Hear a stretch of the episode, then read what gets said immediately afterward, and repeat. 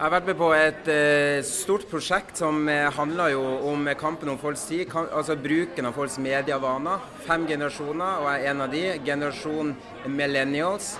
Um, så dette har jo vært et forskningsprosjekt på en måte, hvor vi har da testa ut uh, folks medievaner. Og ja, kampen om min tid, rett og slett. Hvem vinner tida mi? Hva har du lært av? Jeg lærte det at jeg må være mindre på telefon, og at jeg må bruke mindre tid på ting som kanskje egentlig ikke er så viktig, og mer tid på meg sjøl. Altså, barn staver kjærlighet veldig enkelt. TID. Så tid, det er prima.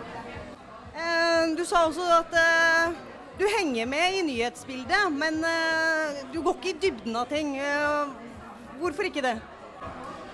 Jeg går ikke dybden i ting i forhold til eh, mediebildet, men, men, men, dette er jo også nok sikkert fordi at jeg ikke har nok tid til det. Det er alltid noe som skal skje innen 5 minutter, 10 minutter, 20 minutter.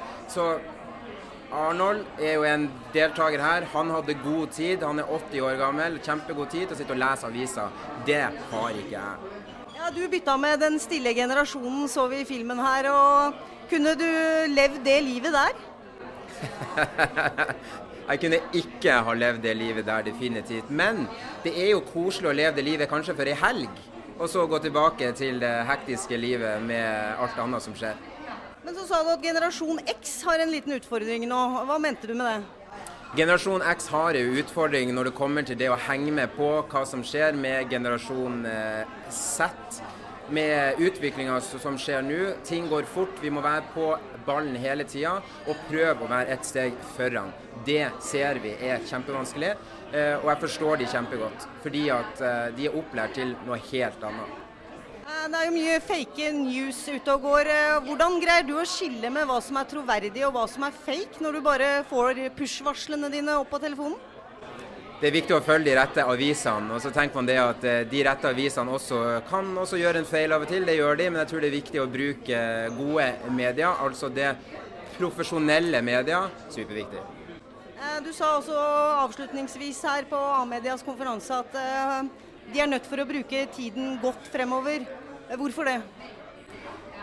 Vi må bruke tida godt fordi det er den tida vi har. Og så tror jeg det at eh, hvis vi skal skape endring i eh, mediebildet, måten vi velger å bruke eh, nyheten på, nyhetene på, så tror jeg det at vi må være tidlig på. Vi må starte nå.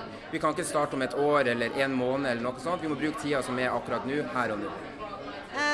Det var snakk om de norske og de utenlandske aktørene her. Eh, hva tror du at din generasjon og den generasjonen under deg eh, kommer til å følge fremover? Blir det det norske markedet eller de utenlandske aktørene som rår? Jeg tror det handler om hvor ting skjer, rett og slett. Eh, min generasjon er jo opptatt av at ting skjer der de skjer. At hvis det er noen store nyheter utenlands, så får vi de med oss.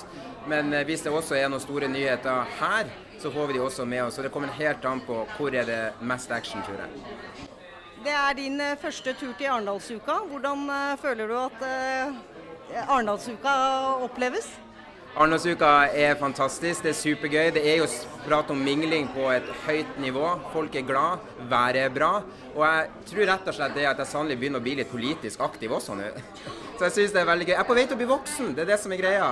Dette er supergøy, og jeg gleder meg masse til neste år. Arendalsuka, well done.